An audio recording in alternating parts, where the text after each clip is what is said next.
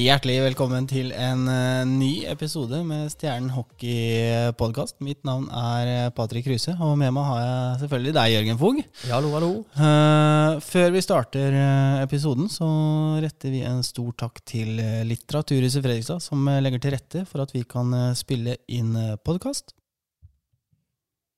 Hei, jeg heter Wenche Reinås. Jeg jobber på Litteraturhuset Fredrikstad. Trenger du eller de du jobber sammen med god plass og avstand mellom dere til møte, seminarer eller konferanse? Vi har flotte lyse lokaler midt i byen og god service. Gå inn på littusfred.no og les mer. Vi ses på Litteraturhuset Fredrikstad. Og med det er vi i gang, eh, Jørgen. Nå er eh, treningskampene de er eh, ferdige. Det er ikke så lenge til det starter nå.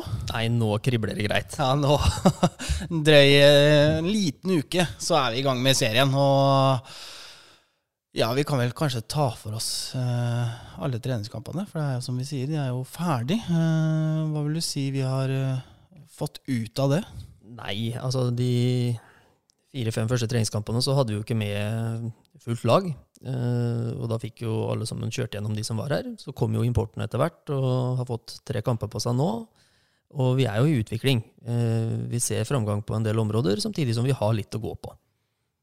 Ja, jeg vil jo si meg enig i det. Eh, det har jo vært en grei, grei gjennomkjøring, og det er som Lasse sier sjøl, vi har jo fått sett mye.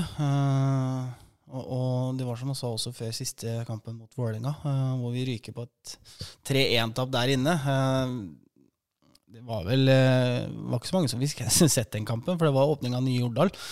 Men, eh, men eh, siste i åpent der, eh, så, så ja, det var vel en kamp hvor i hvert fall vi hadde fokus på egentlig alt, som Lasse sier. Og det er mye som skal stemme. eh, Men, men sånn totalt sett så, så syns jeg vi har eh, gjennomført en, en fem-seks treningskamper ganske greit, altså. Ja, altså hvis vi tar den første kampen eh, der vi hadde fullt lag, da. eh, hjemme mot Vålerenga så gikk vi på en 4-1-smell. Eh, da hadde jo knapt importene vært på is her sånn før de var spilleklare og ble kasta ut på isen i match. Og da er det tydelig at vi hadde mye å jobbe med. Men samtidig da så har du MS hjemme kampen etter. Der hadde vi full kontroll, kjørte over MS-laget, og så hadde vi da Vålerenga igjen borte. Og den kampen vi hadde mot Vålerenga sist nå, var jo mye jevnere enn den som var i Stjernehallen. Så det er tydelig at vi har tatt noen steg her. Og det Vålerenga-laget de stilte med der, det var heller ikke noe dårlig Vålerenga-lag. Nei, det var, det var jo ikke det. Eh, de har jo signert eh, De signerte vel kanskje samme dagen hvor vi spilte der. Eh, tidligere rekkekamerat Niska Kangas, Wade Murphy, som, eh, som har kommet til, til Vålerenga. Og det er jo eh, en artig spiller. Vi skal jo ta for oss litt mer lag for lag, eh, Jørgen. Men, eh, men eh, sånn som nå, da. Vi, vi, forrige podkast snakka jo egentlig veldig mye om Reichenberg. Det var en spiller som vi eh, så for oss eh, havne litt rundt Mjøsa. Eh, eller kanskje utlandet, for den saks skyld. Eh, Trena mye med Gjøvik. Eh, og så blomstrer ut fra Stjernen i sosiale medier. Reichenberg signerte en toårsavtale. Den Ja. kommer vi ikke unna nå. Nei, den må vi snakke litt om, for det, det var jo ringvirkninger eh, overalt her. Eh, Hvordan har hun fått til det, var jo det første spørsmålet. Hvordan blir det med økonomien? Eh, I den forrige sendinga vi hadde fra MS-kampen hjemme, så snakka vi om Anders Aasli i forhold til økonomien på den biten. Daglig lederen betrygga alle at økonomien er i orden. Flytta litt kronasje fra neste års budsjett osv., i og med at importkvota skal ned. Få en nordmann på toårskontrakt. Nå har han har han riktignok et lite vindu som gjør at han kan forsvinne etter sesongen, eh, ut ifra hvis han går til en av de store ligaene. Men vi håper at vi klarer å beholde han i to år. Samtidig, hvis han har en kjempesesong og forsvinner, ja, lykke til videre, og så har vi hatt en klassespiller et år. Så det er, eh, det er bare positive ting å si om den signeringa der, for vår del i hvert fall. Ja, det vil jeg jo si. Og jeg tok jo en prat med han, og han sa jo sjøl at der, eh, Eller jeg spurte han rett ut, da. Både Storhamar og Lillehammer har vært på banen. Kanskje tilbudt deg flere kontrakter sånn jevnlig, kanskje. Jeg vet ikke hvordan man, man gjør det, men uh, han sa det sjøl. Altså, alle lag er mer eller mindre ferdigstilte. Uh, fulle rekker. Uh, men han så liksom muligheten i Stjernen. eh, ville bygge på det, det Stjernen har starta med. Eh, og så på det her som en veldig bra og fin utfordring. Eh, så han også sa det selv etter første trening, trening han hadde med guttene. Uh, virka lett og ledig, og han gleder seg til sesongen virkelig starter. han gjorde det også bra også i første treningskampen mot MS, for det tok jo ikke mer enn et par sekunder før han hadde en assist der på 1-0-skåringa. Ja, det var seks sekunder, altså. Det jeg skal ikke vi love at han kommer til å fortsette der. Det sier seg sjøl at det går ikke. Men uh, har hatt et uh, uh, Hva skal vi si? Tatt solid for seg på isen, er med på å bedre treningshverdagen, og det er rett og slett en klassespiller. Ja da, det er det. Og spilt, spilt for landslaget. Har, har notert seg for poeng der.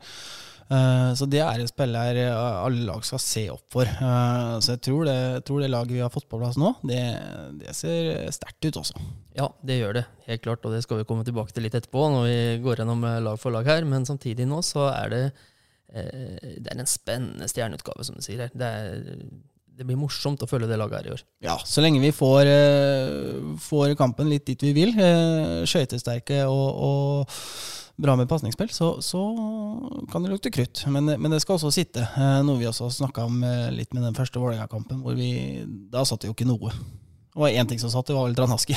ja, det, det, var akkurat det. Han skåra mål, og det, det, er viktig, det òg. Men eh, ja, det er som du sier, Vålerenga-kampen er egentlig bare å sette en strek over. Og Lasse fikk veldig mange svar i forhold til hvem som kan spille sammen, hvem som ikke kan spille sammen. Sett mye på video. Og det ser ut som det er bedring her. Men han sa jo også det på intervjuet, at det kom til å ta en fem-seks uker før vi kom til å se det beste fra importene. Og foreløpig så stemmer jo det. Vi har sett glimt fra samtlige at de har mye hockey i seg, men de har ikke klart å vise det hele tida. Nei da, de har ikke det. Og tar det jo litt tid å omstille seg, komme til Fredrikstad. Uh, bli kjent med byen, bli kjent med guttene, bli kjent med liksom, de som sitter på kontorene. Uh, så, så, det er mye, mye inntrykk på en gang. Men, men uh, men jeg tror det kommer til å bli bra. Eh, men om vi har råd til å, å ha tålmodigheten i så lang tid, det gjenstår å se. da. Ja, nå har vi eh, Vi har hatt fryktelig dårlige serieåpninger de eh, siste åra her. Av de 15 siste seriekampene vi har spilt av de siste tre åra, altså de fem første kampene hvert år, så har vi gått på 11 av 15 tap. Og sånn slow starters det har vi ikke råd til i år også, hvis vi skal være med. Nei, skal vi være litt uh, der vi ønsker å være, uh, litt mer på øvre del av tabellen, så er vi avhengig av å få poeng, uh, i hvert fall i starten. Og så sette en standard, vise at vi er til å regne med. Men det kan vi jo snakke litt mer om, Jørgen. vi skal jo litt innom tabelltips her og der. Vi har tatt en prat med Bendik Eriksen i Hamar Arbeiderblad. Snakka litt med Jan Håkon Dalen, markedsavdelinga i Sparta. Så jeg tenker jeg skal vi bare prøve å bi oss litt ut på de forskjellige laga og spillerne. Det gjør vi. Og det var som jeg sa Eller du introduserte deg sjøl eh, som Jørgen. Eh, første episoden vi hadde, så Ja, du er jo den statistikknerden, som du sier. Har full kontroll på, på de fleste. Vet mer om importene enn ja, kanskje til og med sportslig leder i Stjernen. Nei, så langt skal du ikke ta han, Madrid. Men vi snakka litt Se for oss litt tabellen, og vi kan jo kanskje ta nedre del av tabellen først, da. Hvor vi ser for oss dem Kanskje de tre-fire lagene ligger der. Jeg vet ikke, Har vi noen sånn konkrete nedi der nå, med tanke på spillersigneringer? Ja, nei, altså Hvis du tar sesongen i fjor, da som legger det til grunnlag, så hadde jo da Gryner endt opp på 16 poeng, hadde fem seirer i fjor. Og det neste laget da var jo da Narvik på 45. Og det er jo et relativt stort sprik fra 16 til 45 poeng. Og for å kunne skulle hente inn det, så skal du hente inn relativt mye også. Og det, det har ikke Gryner gjort sånn som de skal nærme seg helt der oppe. De har uh, Mista kapteinen Skaar, som ikke fikk uh, forlenga kontrakta si der inne. Sonek hadde 18 poeng. Ørevald hadde 32 poeng. Og Karo Hansen har gått i svensk annendivisjon. Han hadde også da 17 poeng på 31 kamper. Så de har mista tre av de seks øverste poengplukkerne sine fra i fjor. Uh, har kommet inn uh, De har jo erstattet litt med Sommer Nilsen på Beck-sida, som kom fra Stjernen. Veldig skadeutsatt. Hadde vel 13 kamper for Stjernen i fjor, bare, tror jeg. 13 eller 17, eller uh, Det var ikke mange kamper, i hvert fall. Men, uh, men er, vi vet at han er en dyktig back. når han holder seg skadefri. Absolutt, og det er jo det vi håper for Gryner sin del at han gjør, og for Sommer Nilsen sin egen del òg. Ja, ja, ja. Veldig ålreit, eh, hyggelig kar som eh, dessverre har hatt litt mye skader, men eh, er han eh, skadefri, så vil han forsterke det Gryner-laget her på Bekksida. Så har de da henta også en tidligere stjernekjenning, Larsen Berger fra Narvik. Og så har de da henta inn han Erik Lindhagen, som på en måte skal være den eh, spilleren med erfaring. Eh, forhåpentligvis for Grüner sin del, så må, så skal gjøre en del poeng. Det er jeg litt usikker på om han kommer til å gjøre. Han har eh, Tidligere her så har han spilt eh, over 200 kamper i SHL. Eh, Er 32-33 år gammel. Har de siste fire åra spilt i EIHL borte i England. Og der har han snitta på et sted mellom 12 og 20 poeng. Og et snitt på 12 på 20 poeng fra den ligaen der eh, kan vi bare sånn ta en Joey Martin som har skrevet under for Stavanger, som vi skal snakke litt mer om etterpå. For å dra sammenligninga så ligger han da 40 poeng bak i snitt per sesong.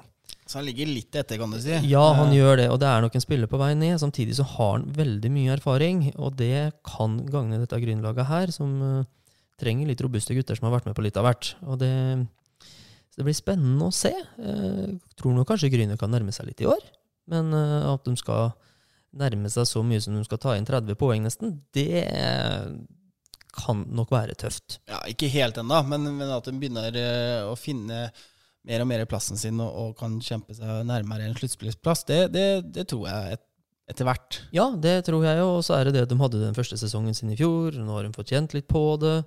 Um, og det, nei, det blir spennende å se om de klarer å ta Nå har de jo fått, eh, eh, blitt vant til nivå og sett litt på hvordan det er, så det skal bli spennende å følge dem det året her. Mm.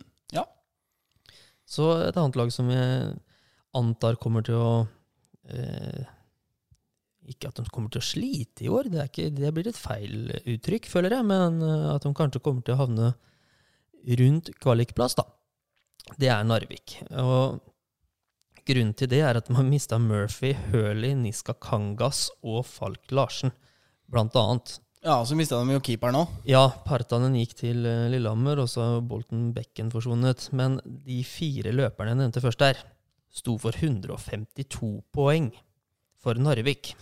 Det er ikke smått med poeng, det heller. Nei, og så er det liksom hvordan skal du klare å erstatte det, da? Eh, det er ikke lett. Nei, det er jo ikke. Du kan ikke bare gå ut og plukke 150 poeng i gata. Nei, og de har jo forsøkt seg litt her da med å hente inn han Dante Salituru fra ECHL. 134 poeng på 169 kamper der borte. Det er, eh, det er et godt eh, snitt. Det er nesten 0,8 poeng i snitt per kamp. Han har i tillegg spilt 19 AHL-kamper og tre kamper i liga. Uten at det har vært noen sånne store poengkamper, det han har gjort der. Men han har, han har vært med på litt av hvert, han òg, og det er nok den spilleren de ser for seg skal ta de fleste poenga. Ellers har de da henta Ylivainio fra Boden i Sverige. Han har 106 poeng på 113 kamper der i eh, Hockeyettan. Men det skal også være en vesentlig forskjell på Hockeyettan og norske Eliteserien. Eh, De har også forsterka med Ludvig Stenberg fra MS, som hadde 15 poeng i fjor. Peter Grønstad de henta på lån. Og McCullen Astill uh, har spilt bort i USA nå, men er en tidligere Stavanger-spiller. som det blir spennende å se på. Uh, og så har de da en spiller som jeg tror kanskje kan, uh, at det kan løsne litt for, det er han Sebastian Johansen, som de har henta fra Frisk. Fordi at eh, For tre år siden så ble han haussa opp som et kjempetalent. Og da hadde han 26 poeng på 45 kamper for Lørenskog. Så hadde han 16 poeng for Frisk året etter, og i fjor hadde han 12. Men han, med litt større rolle og sånt nå, ser jeg for meg fort kan blomstre der oppe. Så det blir spennende. Og på backsida så har de henta Konsta Mekinen, som hadde 16 poeng på 40 kamper for Sønderjysk i Danmark i fjor. Og han skal være den ledende bekken deres. Så med tanke på hvilke spillere de har mista offensivt, så kommer de nok til å slite i år, for jeg tror ikke de de har henta inn, er av samme kaliber. Så har de da henta Max Nygren fra Stjernen, som egentlig da blir en direkte erstatter til Partanen, i og med at han Frø, Frøberg har vært der oppe fra før. Og da keeper du Frøberg Nygren kontra Partanen og hvem som helst andre, etter den sesongen han Partanen hadde i fjor, så ser jeg for meg det at det er også et knepp ned. Ja, for du ser for deg at det, det, Narvik-laget i år har gått litt mindre både på offensiven og defensiven. Eh, selvfølgelig nå har ikke jeg fulgt med på så veldig mye treningskamper fra dem og vet hvordan spillerne er, men Men du vet at det ligger mye poeng i både Niska Kangas, i Murphy. Eh, Partanen holder dem ofte inn i kampen, eh, som vi så flere ganger i fjor. Eh, så jeg tror nok Narvik skal, eh, eh, som du sier, kanskje slite litt med å komme seg opp til sluttspillsplassen. Eh, det tror jeg de skal kjempe, kjempe hardt mot, eh, men, eh, men at de ligger litt nedi der, det er jeg enig med deg i. Ja, og så har de da den utrolige fordelen at det er eh, hjemmekamper i Narvik, da. Eh, Og for alle lagene som reiser opp dit, så er det trøbbel. Ja, det er jo ikke bare bare det, for det er, eh, det er et godt stykke. Litt guffent, ligger duggent. Eh, tett arena, altså tettbygd. Eh, står kanskje intimt nærme isflata. Eh, Men sånn som det var i fjor, så dro vel stort sett nesten samtlige lag opp der og slet. Og Ja, ja, ja, gikk på noen noe poengtap i løpet av sesongen. Og det er klart det er en kjempefordel Narvik, det. Å ha, å ha den muligheten med å ta Å være god på hjemmebane. mm. Så nei, det blir spennende å se. Narvik er et lag som fort kan knipe en sluttspillsplass, men da skal de nye spillerne imponere og blomstre veldig. Ja, de skal det. Og de er jo ikke avhengig av bare å vinne hjemmekamper. Da. da må de ta de bortekampene og ta med seg tre poeng derfra. Eh, det er tøft eh, for Narvik å reise ut også, Eh, det er jo det. Men, men primært så, så, så bør de ha en stor fordel på hjemmebane. Men skal de være med litt lenger opp, så, så er de avhengig av å ta de borteseirene også. Ja, det, det er de helt klart. Og et annet lag som jeg er litt sånn usikker på i år, som jeg per nå ser for meg kommer til å ligge der nede, det er eh, Manglerud. Altså MS. eh, De har mista importene som dro laget i fjor. Eh, Eakins, Booth, Puffer. eh, Som hadde veldig mye poeng. De har de ikke erstatta med importer nå så langt. Det er ikke sagt at MS er ferdig med å hente spillere. Men per dags dato så har de da mista de importene som dro laget i fjor, og erstattet med Ørvald fra Gryner. Det er ingen dårlig spiller. Han hadde 32 poeng på 42 kamper for eh, Gryner i fjor. Det, det er sterkt. Samtidig så har de da henta Steffen Thoresen. Didrik Nøkleby Svendsen. Det er ikke nødvendigvis sagt at det er poengspillere, men eh, de er guffende å møte. Ja, det er de. For vi kjenner jo de guttene der og har sett mye til dem. og de er flinke til å både fyre opp hverandre og andre spillere her. Eh, og det, det er tungt å møte dem når de er i siget. Ja, og så er det det at det er, eh, i Manglerudhallen så spiller de på liten bane i forhold til de andre stedene her. Det er trangt, øh, og de spillerne der som kommer virkelig under huden på deg og skaper gruff i hver eneste, hvert eneste bytt de er på isen, så får de kampen inn i sitt spor der i Manglerudhallen. Da, da var det leit å være motstander også. Ja, det er det. For dem, eh, det er ikke bare bare å dra inn der heller, og så hente poeng og rusle hjem igjen. Du skal spille kampen, og når MS finner flytsona si, så, så kan det gå fort, og det kan bli tungt, og det kan eh, være vanskelig å komme gjennom, rett og slett. Ja, og ellers så snakker vi også da om øh, det å hente evig unge spillere. Ja. Nå har vi jo diskutert da Patrick Thoresen, Larivé på Hamar annet, det er flere som går igjen, men Mats Trygg, det er jo også en evig ung øh, spiller som de har øh, fått henta inn der og skal forsterke seg litt med. Samtidig som de da har henta antageligvis den beste keeperen i ligaen, i Lars Haugen. Ja, for han har vendt eh, nesa hjemover. Eh, kommet, eh, kommet til MS. Eh, og det er morsomt eh, når det kommer sånne profiler hjem. Ja, og de treningskampene han har stått for MSO, så har han jo virkelig vist seg fram her. Og at han er i form, og han har nærmest nesten stengt buret. Han har jo fått ja, godt og vel 40 skudd på seg i hver kamp og sluppet inn øh, ett til tre mål. Og det er, øh, det er takket være han at de har hengt med i de kampene de har øh, såpass bra som det de har gjort, altså, i de kampene de har vært gjennom, annet mot Lillehammer der og mot Stavanger. Ja, for det er jo ikke noe dårlig keeper, som du sier. Men, men tror du MS kan eh, kanskje være det laget som uh, kan hoppe seg enda en plass opp, hvis de får det til å treffe uh, på, på isen utafor? Kanskje de får henta et par til? Tror du de kan være med litt høyere opp der også, eller? Ja, altså Det MS-laget her er kapabelt til hva som helst. De, Eh, de kan slå hvem som helst. De kan uh, tape mot hvem som helst. Samtidig, så, som du sier, det er noen åpninger her. Det, I fjor henta de jo igjen importen etter en andre utover i sesongen. Hvis de plutselig gjør det i år, da kan de bli kanonskumle. Ja, de, de kan jo det. Og det er jo litt sånn vi har sett på MS tidligere. For det, det er jo litt med å hente spillere litt senere. Eh, Så er det noe med den skatten og litt sånne ting mm. som er bedre for både klubbene og, og spilleren. ikke sant? Så, så at det kommer inn et par til utover sesongen, det tror jeg det gjør i MS. Eh, Spørs akkurat når. For, for eh, gjør de det vanskelig for seg sjøl i starten og ligger litt bakpå, så tror jeg det fort kan komme inn en spiller litt tidligere enn det de fleste antar. Eh, Men, men gjør det litt sånn forventa, så tror jeg det kommer inn eh, kanskje en eller to rundt eh, juletider. Ja, for sånn som det var i fjor, så venta de med akkurat tidsnok. Det ble jo avgjort i den siste kampen at de, når de slo Narvik der, at de fikk den sluttspillsplassen.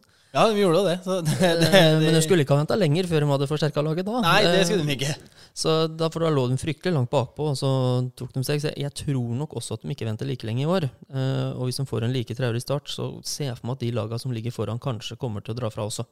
Ja, det tror jeg. Eh, Så, så det spørs litt på åssen sesongen utarter seg helt i førsten her, men jeg tror nok eh, Jeg er ganske sikker på at de, de kommer nok til å hente en eller to til, altså. Det, det tror jeg. For det er åpninger der, og det er muligheter. Ja, da skal vi bevege oss, eh, snart bevege oss litt høyere på tabellen, da. Det gjør vi, eh, Jørgen. Ja, da fikk vi sett for oss den eh, delen av tabellen, Jørgen. Her Her blir det vanskelig. For det midtsiktetabellen her nå, i år, der tror jeg det kan være uh, marginer. Jeg tror det kan være tett og jevnt hele veien. Uh, det er i hvert fall min mening. Jeg vet ikke hva du sier? Jo, jeg er helt enig. Det kan bestå av tre lag, fire lag, fem, seks lag. Uh, alt ettersom hvordan sesongen går. Skadetrøbbel, sjukdom, ikke minst. Vi har jo snakka om det litt tidligere i forhold til det å være spillere som er småforkjøla. Ja, for jeg har jo sett det, ikke sant? Sånn som før, da, så er du litt eh, Hoster du litt, eller litt tegn til feber, så kjenner vi jo hockeyspillere. De kler på seg, de går utpå. Uh, har sett i mange episoder fra TV2 sine Iskrigerne. Sitter syke i garderoben, ikke sant. Så, så, men allikevel så går de utpå. I år så er jo det en utfordring. Eh, er du litt syk, må du holde deg av banen. Ja, og det er klart det, det kan by på problemer for de fleste lag. Og det er jo det at eh, man skal kanskje vanskelig se for seg at man kan stille fullt lag til enhver tid. Ja, fordi vi, vi så det sist nå, bort mot Vålerenga. Uh, Jørgen måtte kaste inn håndkleet, han. Eh, det ble Preben i mål istedenfor. Uh, Jørgen var ikke noe sånn eh, veldig sjuk. Uh, var litt sjuk, og da, da må valget bli og, og han må stå over. Og, og det tror jeg kan bli også en veldig stor utfordring i år eh, for alle. Selvfølgelig, vi skal følge de reglene, eh, men, men eh, det, det kan eh, gjøre vondt for de fleste lagene også.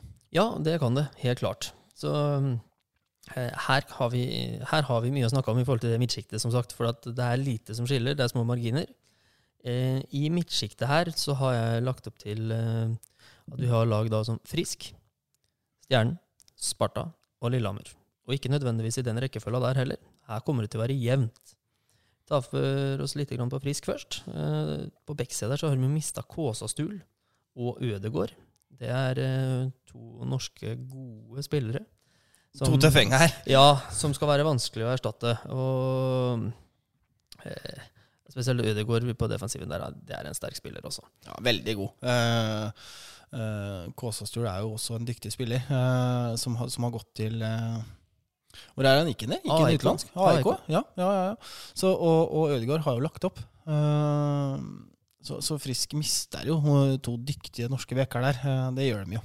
Ja, og samtidig så er jo da Kåsasul har jo vært, hatt et lite utenlands, utenlandsopphold før. Ødegaard har vært i Frisk i flere sesonger nå. Petter Kristiansen har gitt seg. Eh, Det er mye på kontinuitetssida til Frisk der som forsvinner av disse som vet hvordan eh, ting skal være. Eh, Marinaccio kom inn på slutten i fjor, fikk ni kamper, seks poeng.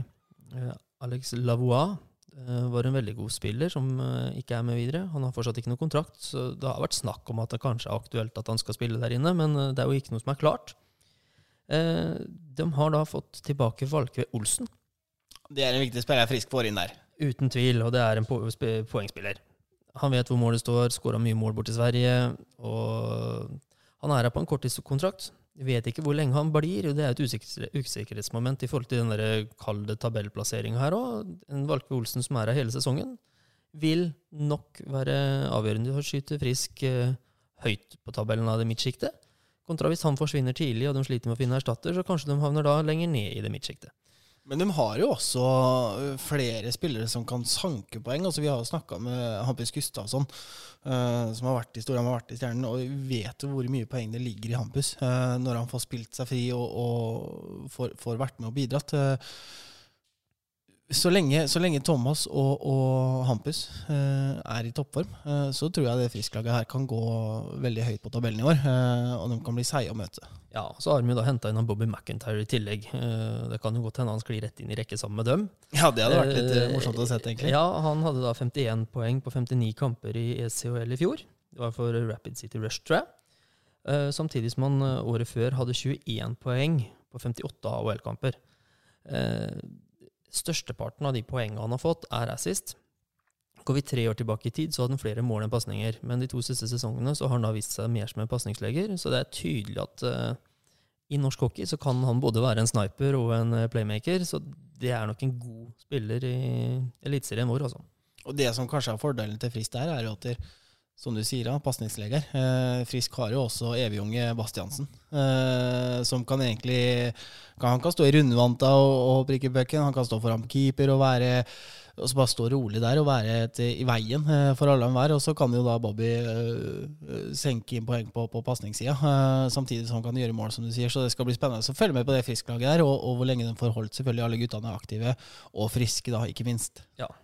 Artig det å være frisk i frisk, kutt. Ja, det er, er viktig, det. eh, altså På Beck-sida så har vi jo da henta inn han eh, Kuronen fra Kovi borti Mestis. Eh, 40 poeng der i fjor. Eh, Det sier jo at han har en del å stille opp med på blå. Eh, Mestisligaen er vel for så vidt mye sammenlignbare med norske toppligaen. Eh, samtidig som er kanskje, ifølge Niska Kangas, så er den litt dårligere nivå på Mestis nå enn tidligere. Så det blir spennende å se hva han Kuronen har å stille opp med der. Eh, så, så samtidig så har de jo da Dahlberg i mål, da. Og Dahlberg er jo viktig, viktig for Frisk å holde skadefri. Ser jo det at dere eh, Jeg er litt usikker på hvem de har som andrekeeper der, men, men Det er Fayen Vestavik. Ja, stemmer. Og det er ikke noe dårligere reservekeeper. Nei, det er, det er jo ikke det. Eh, Men, men når Dahlberg er eh, på topp, eh, så er det veldig få mål han slipper inn. Eh, Da er han overalt og, og stenger alt som er. Eh, Og selvfølgelig uh, andrekeeper også, som, som kan hoppe inn på den kampene hvor det er behov for den, selvfølgelig, og, og bistå med å kanskje øh, gjøre at Frisk får den seieren de trenger. Det, det tror jeg. Eh, men, men Dahlberg også er jo en eh, dyktig keeper og en artig keeper å se på. Helt klart. Så Frisk-laget, totalt sett, veldig spennende. Noen spørsmålstegn, som f.eks. hvor lenge Valkveld blir, som vi har snakka om. De har plasser ledig. Kommer de til å hente mer? Det, da kan det bli veldig skummelt. Så alt i alt, Frisk er et spennende lag til året, altså. Ja, det er det. Og det er vanskelig å si hvor de kommer til å havne på tabellen. For det er, det er som vi sier, altså det er Den midtsiktet der, da, det er så tett og jevnt. Eh, og så for alt vi vet, så kan det jo slå helt andre veien også. Men, eh, men ja, nei, det blir spennende. Så eh, kan du kanskje ta for oss eh, flere laga som vi snakka litt om. Eh, Sparta, Stjernen, Ja. Lillehammer i den delen der. Skal vi begynne med den naboen som vi må ha og må forholde oss til? Ja, vi, vi kan jo gjøre det. Det er jo én ting som kanskje er viktigst for begge byer, og det er å komme foran den andre på tabellen. Eh, du har jo kanskje litt på den importsiden, eh, eller de spillersigneringene Sparta har gjort. Eh, vi kan jo ta det først, og så tok jeg en prat med Jan Håkon Dalen. Eh, kan jo fortelle litt hva han sa. Eh, vi kan jo kanskje ta de signeringene først, Jørgen. Ja, altså Sparta, som vi har nevnt tidligere her, også har stor grad av kontinuitet i stallen sin. Og det, det er en kjempefordel. De har hatt en god sesongoppkjøring. Overraskende god, vil jeg si. De har slått Stavanger, tap mot Storhamar. De har slått Lillehammer, de har eh, knust MS. Eh, frisk har de slått. Og de har egentlig fått spilt seg inn tidlig. Og mye av det er- ligger jo på at det er mye av de samme guttene som var der i fjor. Samtidig så har de da henta inn eh, en klassespiller i eh, Salonen, som ble henta fra Frankrike der borte. Der hadde han 1,3 poeng i snitt per kamp, noe som er eh, Noe som ga en tiendeplass på den lista borte i Frankrike. Samtidig så er det da 1,3 poeng i snitt. Da gjør du mye poeng. Nå er riktignok ikke den ligaen helt på det top notch-nivået sånn i europeisk hockey, men samtidig så har han da også eh, kommet på fjerdeplass på toppskårerlista i antall skåringer. Og det er klart, eh, vi har sett nå i noen treningskamper her. Eh, rask på skøytene, har et veldig godt skudd, blikk for spillet. Og det er den spilleren Sparta har mangla de siste åra. De har hatt, eh, sånn som i fjor, så har Jakobsson, Øman, Grønberg Det er gode spillere, men de er ikke den der, nødvendigvis den spilleren som setter den puckene i de jevne oppgjøra. Og nå har de fått en matchvinner. Og det, det er den rolla de har savna nå. Fått en som vipper Sparta den veien Sparta trenger det, Ja. rett og slett. Eh, de har jo også litt spennende på, på keepersida der, i både Tobias Nordmann og, og Lillegren. Eh, det var som jeg sa, snakka litt med han eh, Jan Håkon, og, og de sier jo at ståa i Sarpsborg er veldig bra om dagen. Eh, de har et eh, koronaøkonomisk vennlig lag, eh, noe kanskje de fleste har, men, eh, men det er som du sier, de har ikke henta dem som kanskje vi kanskje så for oss, da, al- altså litt andre typer spillere. De har den stammen de trenger. Uh, og det er som, det som uh, Sarpinga alltid sier, de, de går alltid for gull. Uh, det gjør de jo, men, men jeg tror ikke de er helt der i år. Uh, som vi sier, de er litt mer i det, det, det midtsiktet der. Eh, så, så jeg vet ikke. Jeg, jeg, for min del så håper jeg jo vi kommer før dem. Eh, men, men sånn som i fjor, så, så håper jeg også på eh, deilige lokaloppgjør eh, hvor det koker litt, og, og eh, fine pasninger. Altså, det, det er mye, eh, mye et lokalt oppgjør eh, som, som ikke bare er mål, men, som er alt det andre også.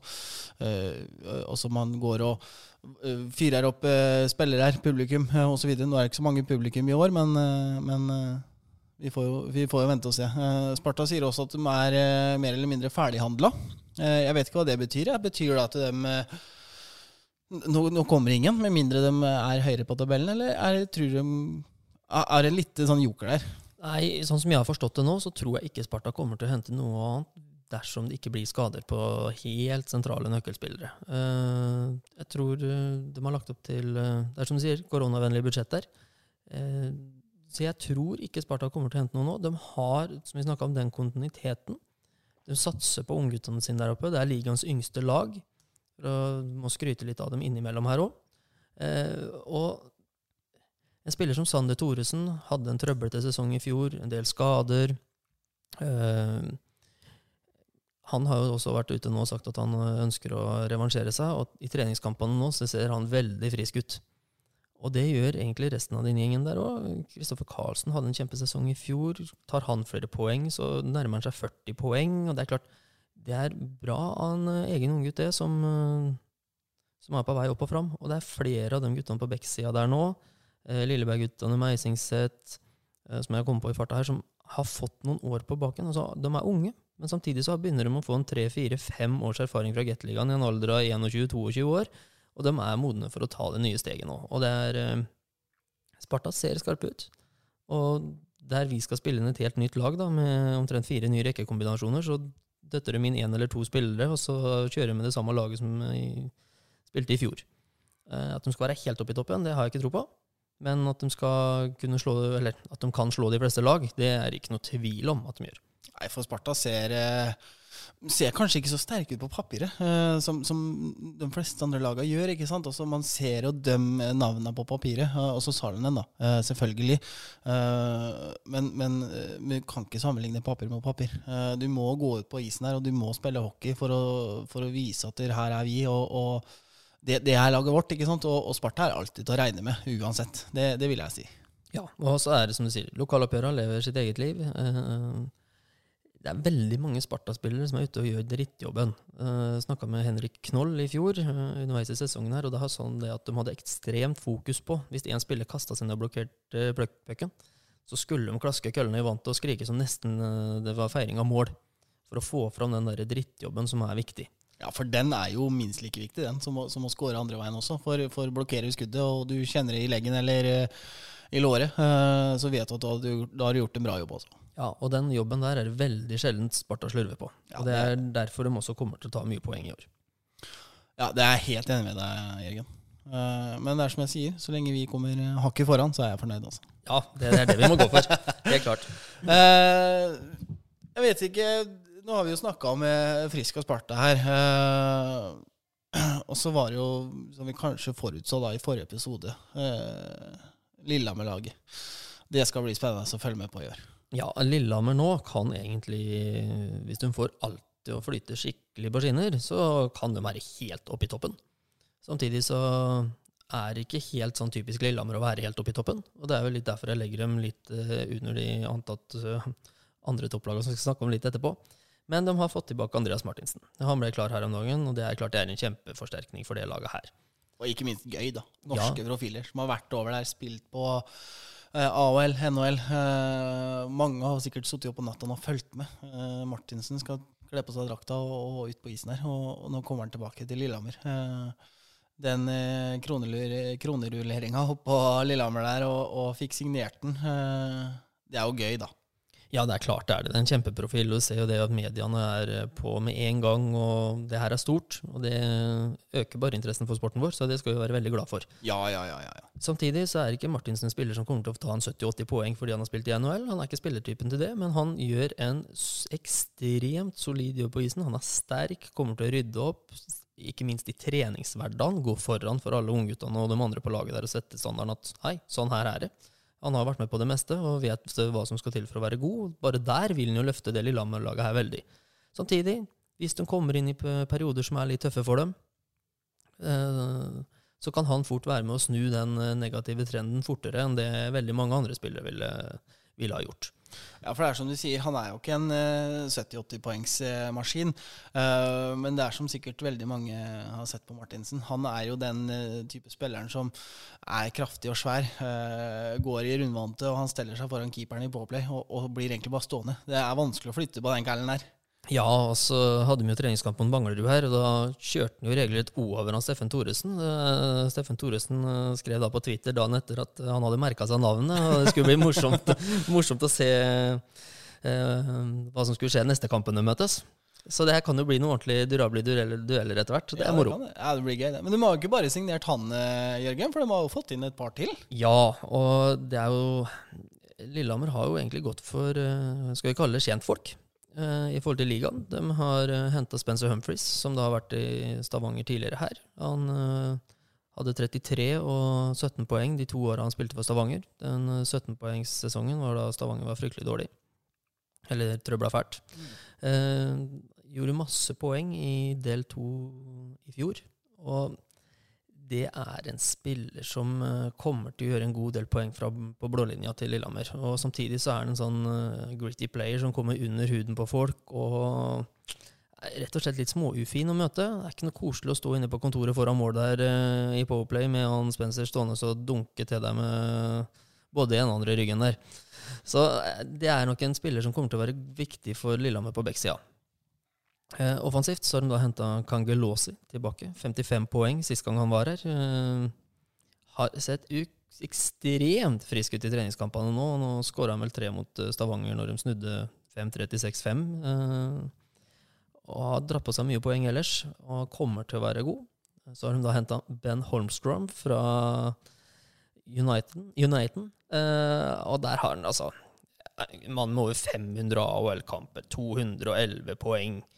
Er 33 år og er på vei ned. Altså, hvis ikke så hadde han vært der borte enda. Det er ikke noe tvil om det. Men samtidig så er det her en spiller som har ekstrem erfaring.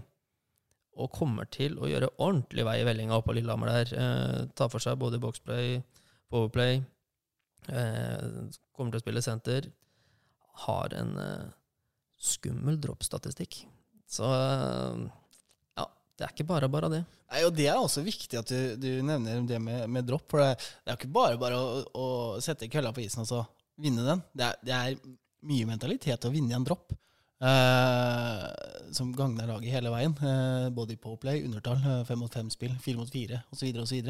Uh, så, at vi, så at vi har med det i bakhodet, er også viktig. Også. Ja, men altså, bare sånn, For å ta en sammenligning, da. eh, og det er ikke for å være vemmelig mot noen som helst, det. eh, Robin Olsen Syversen i Gryner har en droppstatistikk på rundt 38% Så kommer da Holmstrøm, som da har vært vant til å ha spilt, ja, spilt over 500 kamper som senter i AHL.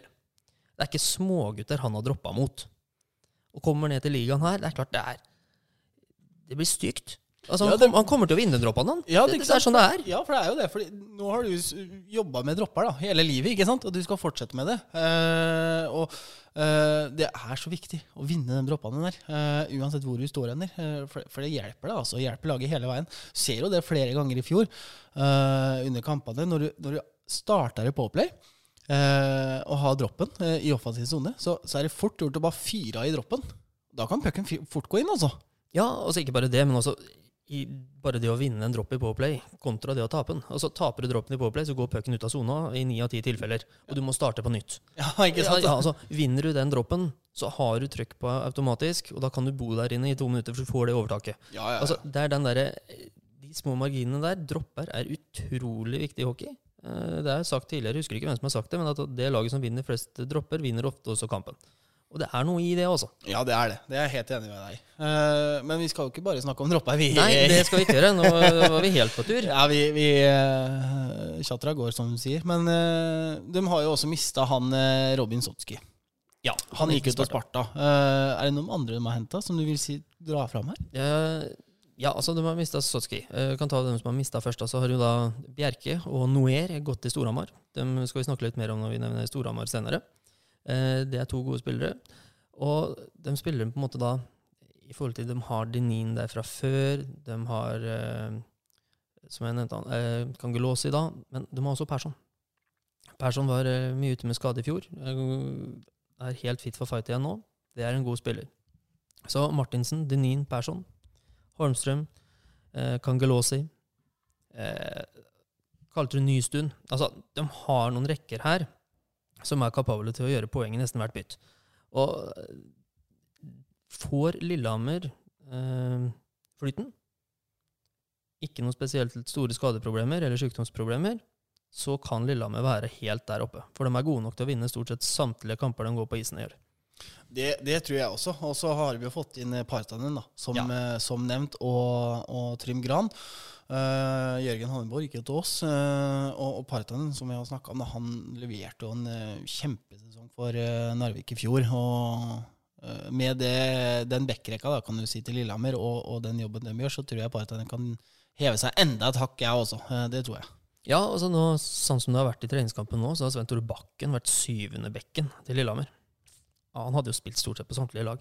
Så- Ja, han hadde jo det. Ja, og så er det det at jeg leser rundt omkring at folk stiller spørsmålstegn at defensiven til Lillehammer er kanskje det svakeste punktet deres. Men når du har en bekk som Bakken, som da kanskje er syvende bekken, da er ikke det noen krise på Lillehammer. Nei, det vil ikke jeg si heller. For da har de eh, bra sett med bekker, og så har de da den syvende som, som er der eh, når det trengs. Og, og Bakken er jo ikke noe dårlig bekk, han. Nei, overhodet ikke. Og når de har da Ellis fra tidligere her, som vi vet er en klasseback, kanskje han ikke eh, Ved at de henter Humphreys nå, så vil jo kanskje Ellis også kanskje profitere på ikke like mye istid som det han har måttet hatt tidligere. De har også mista Saksrud Danielsen, den kommer de til å merke litt. Eh, Men skal ikke se bort fra at han Humphreys erstatter eh, Saksrud også offensivt. Nei, det skal du ikke se bort ifra, altså. Nei, Og Bengsberg eh, var mye skada i fjor. Det er direkte årsaken til at eh, han ikke er der videre nå. Eh, han har vært viktig for Lillehammer i flere år. De henta Dakel på lån når han var ute. Eh, og det er en eh, det er vel også en avgjørelse, uten at noen har sagt det, at det er grunn til at Haneborg går til oss. Eh, Han fikk da ikke muligheten til å være førstekeeper, selv om han kanskje hadde fortjent det. Og da ble det sånn at uh, Haneborg eh, søkte nye utfordringer i stjernedrakta. Det er vi veldig glad for. Og så har de da henta inn Partanen fra Narvik. Ja, Så det skal bli spennende keeperduell også. Eh, Vi starter allerede mot eh, Lillehammer borte, så snakka du litt med Jørgen om det. og Han gleda seg litt. Eh, Ønska å få, få starta sesongen på best mulig måte og kanskje dra med seg poeng derfra. Ja. Ja, da har vi snakka om eh, tre lag i, i eh, midtsiktet der, eh, Jørgen. Og det er jo kanskje et lag vi glemmer her, eh, som vi kanskje skulle hatt eh, litt høyere opp på tabellen. Men, det, men eh, det kommer nok ikke i år. Men det er jo vårt eget. Ja, og nå har jo mantra i noen sesonger nå vårt er jo trygge steg mot toppen. Og det ser vi konturene av i hverdagen også. Det, det her liker vi. Vi tok et steg framover i fjor. Hadde et ordentlig morsomt lag å se på. Eh, Tok eh, mange flere seirer eh, enn eh, foregående sesongene. Samtidig nå som vi bygger litt på nytt igjen med flere nye importer. Vi har økt ungdomssatsinga i forhold til å gi ungguttene langtidskontrakter, og treningshverdagen ser veldig bra ut.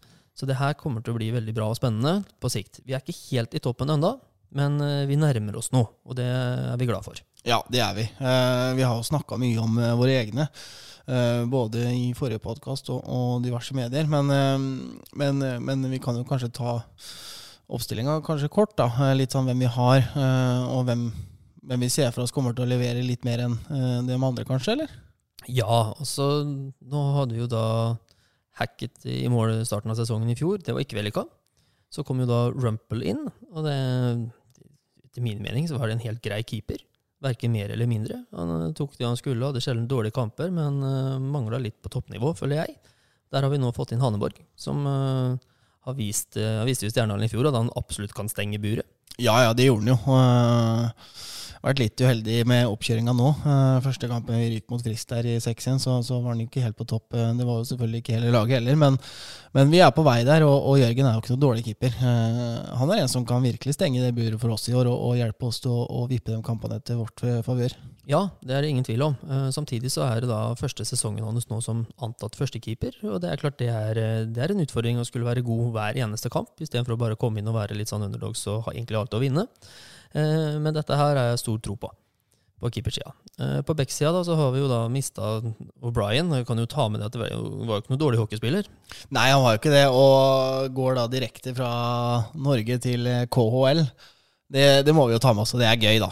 Ja, og så kan vi ta med litt av utvisningen nå. Han snitta på over sju, sju minutter per kamp. Eh, Det er massive tall, det. Ja, han eh, satt og kosa seg i boksen her. Han hadde vel mer eller mindre fast plass i, fast plass i hjørnet. Eh, han fikk jo mye, han pådro seg mye ut, utvisninger, gjorde det.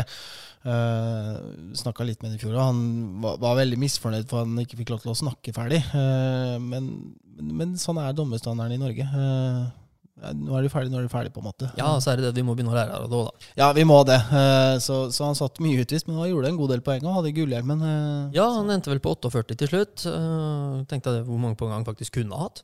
ja. Det, men vi skal ikke snakke så mye om han nå. Vi har fått erstatta O'Brien med Travis Brown og James DeHaas. Vi har mista Eikrem Haugen Sommer Nielsen. Eh, Sommer Nilsen og Eikrem Haugen hadde til sammen én kamp i fjor. Eller en, unnskyld, eh, 45 kamper. Altså Det skulle vært eh, 90 kamper til sammen totalt på dem, og så blir det bare 45. Det er mye skader. Og det å få inn eh, både Brown og De Haas, som har spilt hele sesongen nå i siste, ikke hatt noe voldsom skadehistorikk, så føler jeg at vi kanskje nå er styrka på, på den biten der. Samtidig så har eh, ungguttene våre, Buskoven, fått en eh, sesong ekstra. Det blir veldig spennende å følge han i år. Rønnhild Ponomarenko vet vi kommer til å gjøre den eh, defensivt gode jobben. Så, så har du Filip Hansen i tillegg, eh, som banker veldig på å få den sjette backplassen. Så det, det blir spennende å følge backsida vår. Det er flere som har sagt at den eh, kanskje er, eh, er det svakeste leddet til Stjernen i år, men eh, jeg syns han virker ganske så jevn og forholdsvis solid, altså. Ja, han gjør det, og det var jo som vi har sagt tidligere, at vi forventa jo ikke at Lasse kom til å stille både James og Travis med hverandre. Noe han heller ikke har gjort i, i noen av de kampene de har spilt. Det har vært eh, Travis og Buskoven, og det har vært Medby og, og James eh, som har vært eh, de to første rekkene, cirka. Eh, og det tror jeg også han kommer til å fortsette med. Ja, eh, det kan hende det blir noen variasjoner utover der, men eh, samtidig så. En, eh, erfare, en erfaren mot en unggutt, det er eh, nok riktig veien å gå. Ja, det tror jeg også. Og det ser vi også på løpersida nå. Eh, I fjor så var vi veldig avhengig av Champini, spilte sammen med Christopher og så Guata. Eh, og der var det ikke rom for å få inn noe annet, virka det som. For den var satt. Ja, det virka veldig sånn, egentlig. hele veien. Ja, og i år så har vi da henta tre sentre. Eh, det er spennende. Brett Thompson spiller da sammen med Farrell, fordi de har spilt sammen tidligere i Acadia Axemen borte i Canada. Eh, Team McGauley har eh, nå spilt sammen med Daniel Livens. Det har sett spennende ut, samtidig som Reichenberg har kommet inn og har dratt med seg Niska Kangas og Heier i den rekka. Og i de to andre rekkene så har da Taranowski og Hermansson fått mulighet. og skal ikke se bort ifra at det er flere av ungguttene, som Nybråten Hansen og sånt, noe, som fort kan få muligheten til å spille sammen med disse importene våre som skal dra lasset. Nei, jeg, jeg tror det kommer til å være eh, litt sånn forflytta opp og ned. Og, og det var jo som eh, jeg snakka med Darren. eh, han sa jo det at han er veldig positivt til de fire rekkene vi har i år. Det så vi jo allerede mot MS-kampen, når flyten var litt mer på vår side. Tredje- og fjerderekka leverte jo veldig bra eh, kamp. Det gjorde de for så vidt mot uh, Vålerenga også, men, eh, men det skal bli spennende å se. for det er skøytesterkt lag vi har i år. Ja, det er absolutt ingen tvil om. Samtidig nå så har vi også da det som har vært fjerderekka vår nå, da, for å kalle det en fjerderekke. Det har jo da vært Medhus, Hallstrøm, Michaelsen. Så har Asbjørnsen vært inne og banka litt på der. Så det er, det er nok offensivt det beste stjernelaget siden 2005-2006-sesongen, vil jeg si. Også. Ja, det, det skal jeg være enig med deg om, og så får vi jo se om det holder, da, selvfølgelig. Eh, men det er der vi også har eh, stjernen vi har, dem i, i midtsiktet der på tabellen. Eh, fra, fra en type sjuende til fjerdeplass cirka. Eh, så kan vi jo se litt mer eh, utover sesongen hvordan det ligger an, men, men jeg er helt enig med deg. Og Stjernen har vi jo snakka mye om før, eh, så jeg tenker kanskje vi skal bare bevege oss til øvre del av tabellen her nå, eller? Ja, jeg har bare lyst til å ta ferdig den eh, grunnen til at vi også legger stjernen i midtsjiktet her nå, er at det tar tid å spille inn et nytt lag. Ja, Eh, det gjør det jo, og det har vi også sett, de kampene vi har sett dem. Ja, og det Sånn som sesongen var i fjor også, så hadde vi en sånn tung periode i starten. Og så tok det litt tid, men så begynte maskineriet å komme i gang. Og da klatra vi litt her og dro en del poeng, og så var vi litt sånn Det svinga litt i prestasjoner for disse ungguttene og sånt noe. Og der er vi nok i år òg. Eh, kan ta litt tid før vi kommer i gang. Håper ikke det tar like lang tid som i fjor. Eh, jeg føler at eh, de spillermaterialet vi har i år, er bedre, eh, og kommer til å ta det her fortere. Samtidig så er vi ekstremt skøytesterke. Ikke like fysiske, men får vi spillet til å sitte, finne hverandre, posisjoner, og kommer i stor fart rundt, ut av midtsona og inn i offensiv sone, så blir det fryktelig tungt å stoppe Stjernen i år. Ja, det tror jeg også. Og med det, Jørgen, så tar vi eh, topp eh, tre, vi.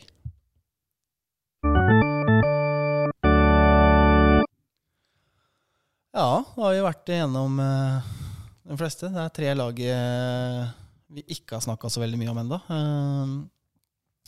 Det er jo annet Stavanger, Storhamar og Vålerenga. Det er jo dem som er eh, antatt til å være i topp tre. Eh, ikke bare av oss, men av de fleste eh, rundt omkring. Det har vi jo sett. Vi kan vel kanskje starte med Vålerenga i år, eller? Ja, vi kan starte med Vålerenga. Det er som du sier, det er fryktelig vanskelig å skulle plassere de laga i toppen her. Men eh, Vålerenga, Olden tilbake. Kan begynne der. De har Lindstrøm. Og så har de i tillegg henta Wade Murphy fra Narvik. Det er, det er en rekke som ikke står tilbake for noen. Det, der kommer det til å være mye poeng. Det er ikke noe tvil om det. Så når du da har en spiller som Røymark, som ikke nødvendigvis altså Nå vet jeg ikke hvordan øh, de kommer til å legge opp øh, rekken og sånn der inne, men gitt at Røymark ikke spiller i førsterekka til Vålerenga, så har du da et fantastisk lag når en sånn spiller kanskje ikke plasser i førsterekka.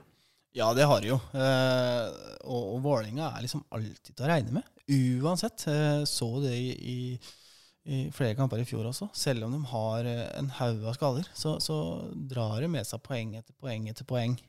Så, så jeg også er helt enig med deg. Vålerenga vil nok være en av de som kjemper høyt høyt i toppen i år. Ja, og så har du da Søberg i mål. Alltid bra. Søberg er alltid god. Han leverer eh, jevngode kamper hele veien. Eh, selvfølgelig har mye av det har jo på å spille inn både i Karl Eklund og, og William Strøm, som er kjempedyktige vekker. Eh, som kan jo stå nesten 60 minutter i hver kamp ikke sant? Og, og dunke pucker ut av sona. Så Vålerenga-laget her er bra også. Ja, så Sørvik var ute med skader i fjor, tilbake igjen nå. Uh, Aksel Eidstedt var ute med skader i fjor, tilbake igjen nå. Der har du fått to nye bekker, hvis du ser uh, sånn at de nesten ikke var med i fjor. Som er kanonbra.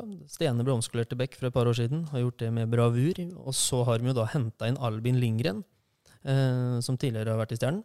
Og vi satt jo foran på stolen hver gang Stjernen hadde powerplay, og du så at Albin kom til å få pucken på blå.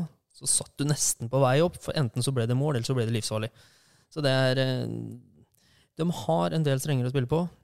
Solid, eh, kanskje beste backoppsetninga i ligaen. Og offensivt så er det mye morsomme unggutter. Collins Baber Olsen, Leo Halmrast, som kommer til å ta steget i år eh, og kommer til å vise seg fram. Samtidig som du har disse guttene med Oppøyen, Røymark, som vi har snakka om.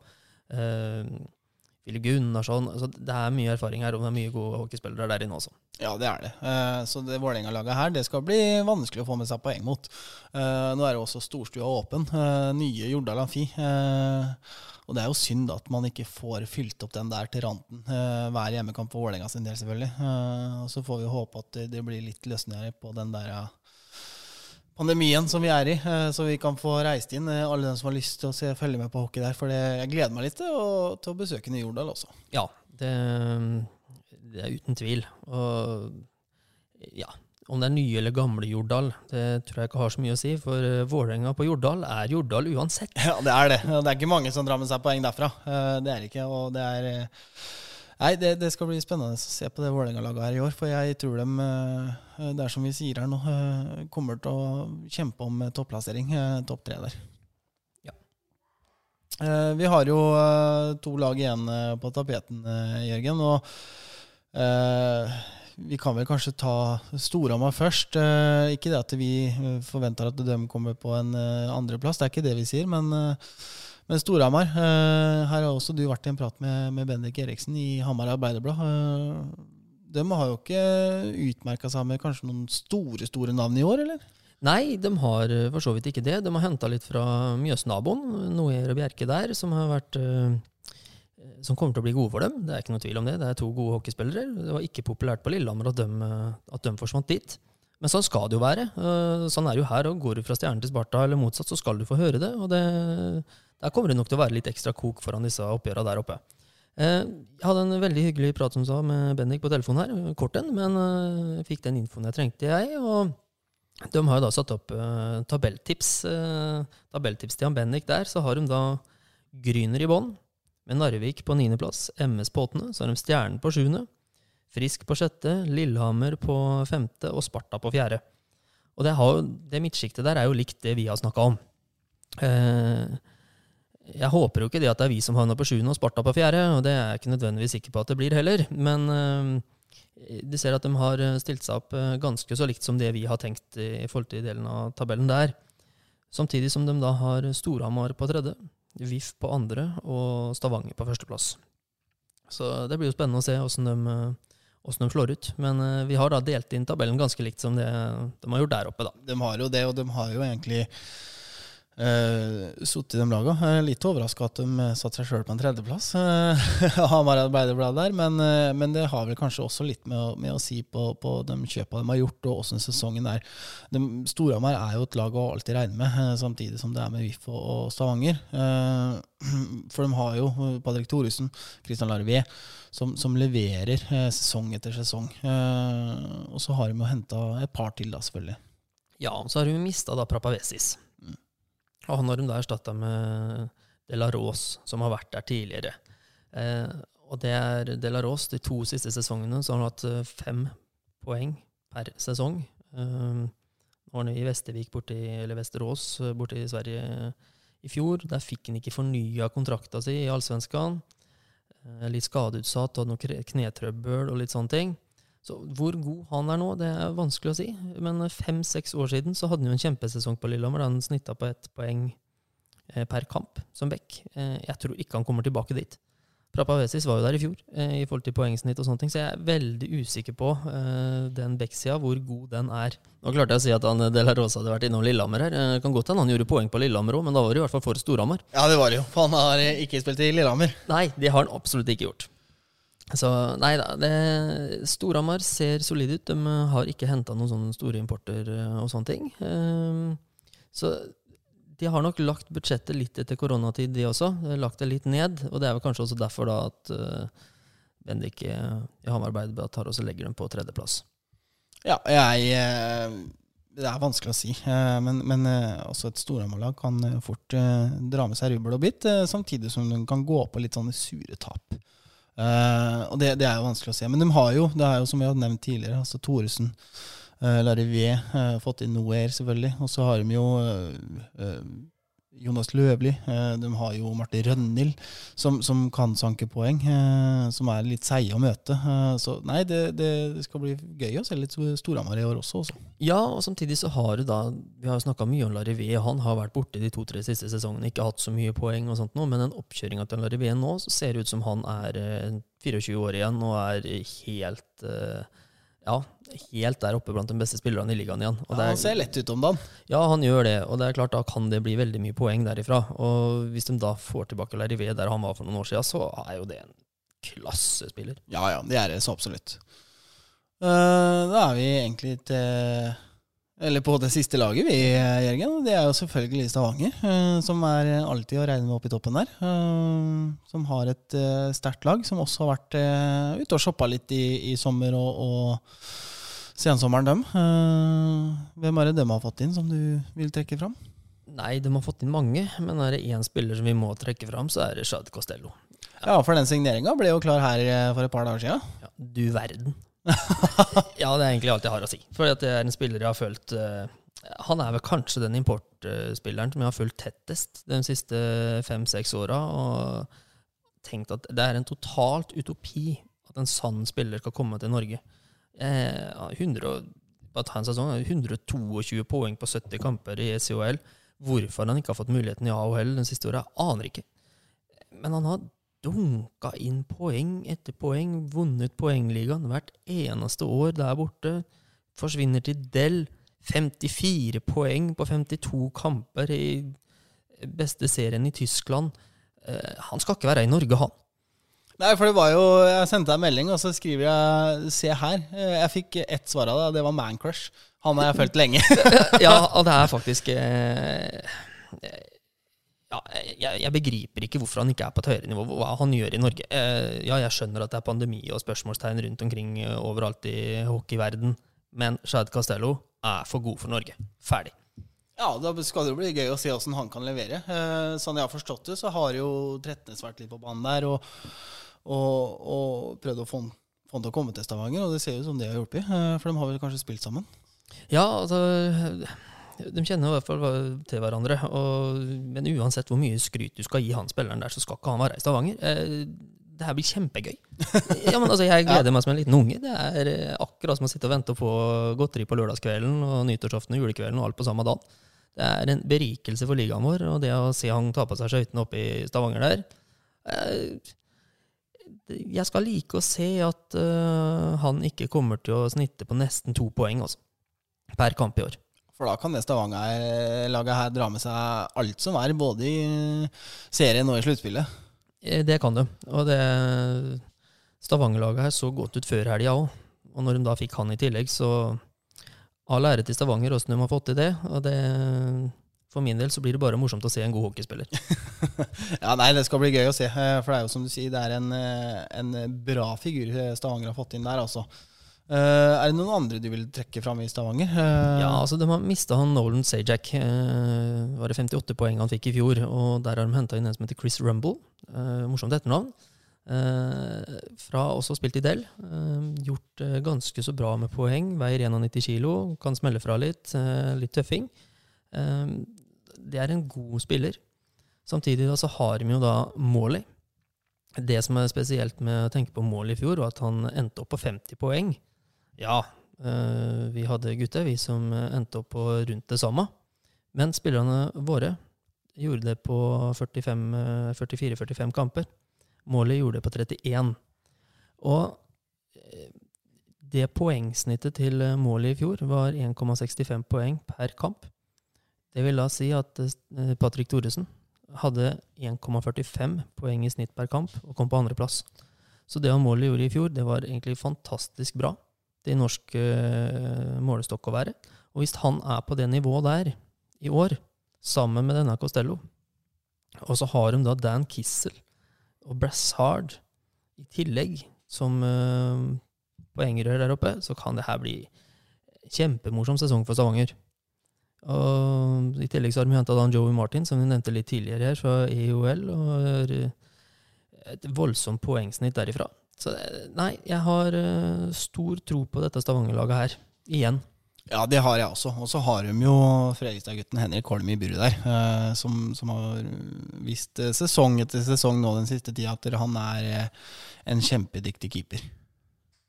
Uten tvil. Og, og det er jo morsomt at det er Fredrikstad-gutter som gjør det bra andre steder. Det skal vi bare ta med oss. Ja, det må vi jo. Eh, Så får vi håpe at de kommer hjem en dag, dem også, eh, når de har vært litt og lufta seg litt. Eh, nei, men er vi, er vi liksom litt ved målets ende der i forhold til også tabellplassering, da? Litt sånn hvor vi ser for oss de diverse lagene går. Også det kan jo spille helt andre veien. Serien må starte, og vi må komme i gang. Og så går det nok et par uker før man liksom begynner å se litt mer tendens til at det setter seg fast eh, på tabellen der. Men, eh, men jeg er helt enig med deg. Eh, Men jeg tror sesongen i år er mye jevnere enn det han var i fjor. Uh, både fra, fra 9. og 10. opp til uh, kanskje andreplassen, til og med. Ja, sånn som det var i fjor, så var det jo Stavanger og Frisk som starta best. Uh, og fram til de møtte hverandre, så var de vel ubeseira etter åtte kamper eller noe sånt nå. Og da hadde jo Storhamar hatt fire seirer og fire tap, og starta litt trøblete. Eh, vi kom ikke i gang, men vi hadde fire tap på rad, og så hadde vi tre seire på de tre neste, vel. Så det ble et skille i fjor. Og når Frisk da først fikk det ene tapet mot Stavanger, så gikk de jo på en seks-syv kamper tap der, og Stavanger bare reiste ifra. Og ligaen var jo nesten avgjort i starten av november. Det blir ikke i år, tror jeg. Jeg tror det blir langt jevnere. Alle laga eh, fra Altså, la oss si de laga i bunnsjiktet som vi snakka om i stad. Alle de er mer enn gode nok for å slå de laga vi ligger i midtsjiktet. Alle laga i midtsjiktet er mer enn gode nok til å slå de laga i toppsjiktet. Så her kan det bli veldig mye morsomme kamper. Det kommer til å bli mye trøkk rundt omkring. Eh, og så er det da beklagelig at det eh, ikke får vært flere enn 200 tilskuere på kampene inntil videre. Nei, og det er eh, veldig synd. Eh, det kommer vi litt mer tilbake til, Jørgen. For eh, det jeg tenkte vi skulle ta nå Nå er det få dager igjen til det virkelig braka løs. Så jeg tenkte vi skulle egentlig bare snakke kort om eh, seriestarten, ja. Seriestarten, Jørgen, den er eh, lørdag for vår del. 3. oktober, eh, borte mot Lillehammer. Et Lillehammer som vi nå har snakka om kommer til å havne litt rundt der vi kommer til å havne på tabellen, ca. midt på. Uh, ja, hvor, hvor viktig er det for, for oss, selvfølgelig, å få en pangstart på sesongen? Nei, det er klart det å komme inn i flyten er viktig. Eh, samtidig så skal vi ikke bare nødvendigvis reise opp til Lillehammer der og tro at vi tar tre poeng, og hvis ikke vi får tre poeng, så er sesongen ødelagt. Så langt ifra ikke. Det jeg ønsker at vi skal se der oppe, er en jevn kamp. Eh, at vi henger helt godt med. Som sagt, Vi har snakka om det, og Lasse har snakka om det. Det tar tid å spille inn dette laget. Det er en fem-seks uker til før vi får vært på toppnivå. Eh, jeg vil se konturen av noe. Jeg vil se at vi er mer samspilte, mer strukturerte defensivt enn det vi har vært i en del av treningskampene her. Samtidig så vil jeg da virkelig si at vi gir Lillehammer en kamp helt inntil døra. Og så, sånn som jeg spår nå, spår en veldig jevn kamp. Kanskje ett lag vinner med ett eller to mål. Og så får vi bare håpe at det er oss. Ja, det, det, det hadde jo vært det beste. Eh, å starte sesongen eh, med, med, med tre poeng. Eh, for jeg heller tror i år at det, blir ikke så veldig mye storseire. Eh, kanskje en eller to, selvfølgelig. Det kommer jo alltid, det. Men, men sånn totalt sett så tror jeg det vipper. Eh, kampen er inne i vippepunkt hele tida. Det, tror jeg. Vi starta jo borte mot, uh, mot Lillehammer, og så, så har vi en ny hjemmekamp uh, torsdagen etter der, hjemme mot Sparta. Uh, det er også en kamp vi, vi må, skal og vil og, og bør ha poeng i. Ja, det er klart. Sparta hjemme. Det skal være seier. Det skal jo være seier. Eh, det starta jo ikke sånn i fjor, eh, dessverre. Eh, Da hadde vi jo en litt eh, annen start på sesongen. Men, men med det laget og den oppkjøringa, for nå har vi jo hatt en mye lengre oppkjøring enn det vi er vant til. Serien har blitt utsatt. Pleier jo vanligvis å starte i september. Nå starter den i oktober. Guttene har fått kommet mer i gang. Det tror jeg er kjempeviktig egentlig for alle lag. Ja, det er det. Eh, og samtidig, da, selv om vi har hatt den lange oppkjøringa, så har importene kommet sent. Eh, Reichenberg kom inn sent. Så i fullt lag har vi bare hatt de tre treningskamper. Og tre kamper for å spille inn fire nye rekker, det er ikke mye. Nei, nei, det er det ikke, og vi trenger jo flere. Ja, og det er eh, sånn hvis du skal si noe sånn fordel Sparta, fordel Stjernen osv. her, er at fordel Sparta er den kontinuiteten vi har snakka om. De, de har ikke like store forandringer som det vi har hatt. Eh, samtidig så håper jeg det at de spillerne vi har henta inn, og hva de har gjort med resten av laget, vil føre til at eh, vi har en skikkelig boost i dette første lokaloppgjøret her. At vi rett og slett tar dem der eh, oppe i Stjernehallen. Det hadde vært helt topp for min del, i hvert fall. Det hadde vært det beste. Tenkte jeg å starte, seier, starte serien med, med, to kamper, to seire. Så får vi liksom sittet litt standarden, vi òg, som vi har vært litt inne på. Så har vi jo fått inn noen spørsmål her, Jørgen. Og tabelltips var jo en god del som spurte om. Det har vi jo vært innpå. Men så er det en som heter Marius her på Twitter, som, som lurer på hvem som ser friskest ut av importene så langt. Og noe vi har vært inne på, er jo det om at det tar tid å sette seg i gang. og min personlige melding er jo at i den kampen jeg har sett han, så er det Brett Thompson som jeg vil dra fram her. Han har sett uh, frisk ut, han har sett uh, jordnær ut. hadde jo sin første kamp bort mot Frisk i, i, samme rekke som Niska Kangas. Så, så, han så veldig frisk ut for meg også. Jeg vet ikke hva du tenker? Ja. Jo, nei, Brett har vært, Brett har vært stødig stort sett hele veien. Uh, Syns han har vært enda bedre nå i det siste. Denne Vålerenga-kampen den siste Vålerenga-kampen der inne fikk jeg ikke sett uh, noe av. Så det, der skal jeg ikke si noe, men hjemme i Stjernehallen er både mot uh, Vålerenga og MS, så viser han tydelige tegn på at han, uh, han, har mye for seg. Jeg vil også trekke fram Daniel Levens, som jeg syns virka veldig tung og trå mot første kampen mot Vålerenga. Mot MS hjemme så var han veldig bra. Skårer han jo to der, stor fart, viser seg fram ordentlig. Og så skårer han jo da inne på Jordal nå igjen. Så det blir spennende å følge han framover. Jeg har jo sett den fra Sett den mye på video og sånn fra tidligere, og ja, minner mistenkelig mye om Henrik Høglund også. så vi får tilbake en litt uh, høgga der uh, på toppen. Nei, jeg, jeg, jeg, er enig med deg. Uh, så får vi jo se om den, uh, de to gutta der holder ut sesongen. Kristian Brevik han er selvfølgelig på tråden og har spurt hva er den største forskjellen på integrering av importspillere fra ti år tilbake og nå. Nei, Det han Kristian er vel ute etter, da, er vel at han tenker på brygga, tenker jeg. Eh, det er en kjensgjerning. For en del år siden, så var det, når integreringa kom, så var det en tur ut eh, og full pakke. Det,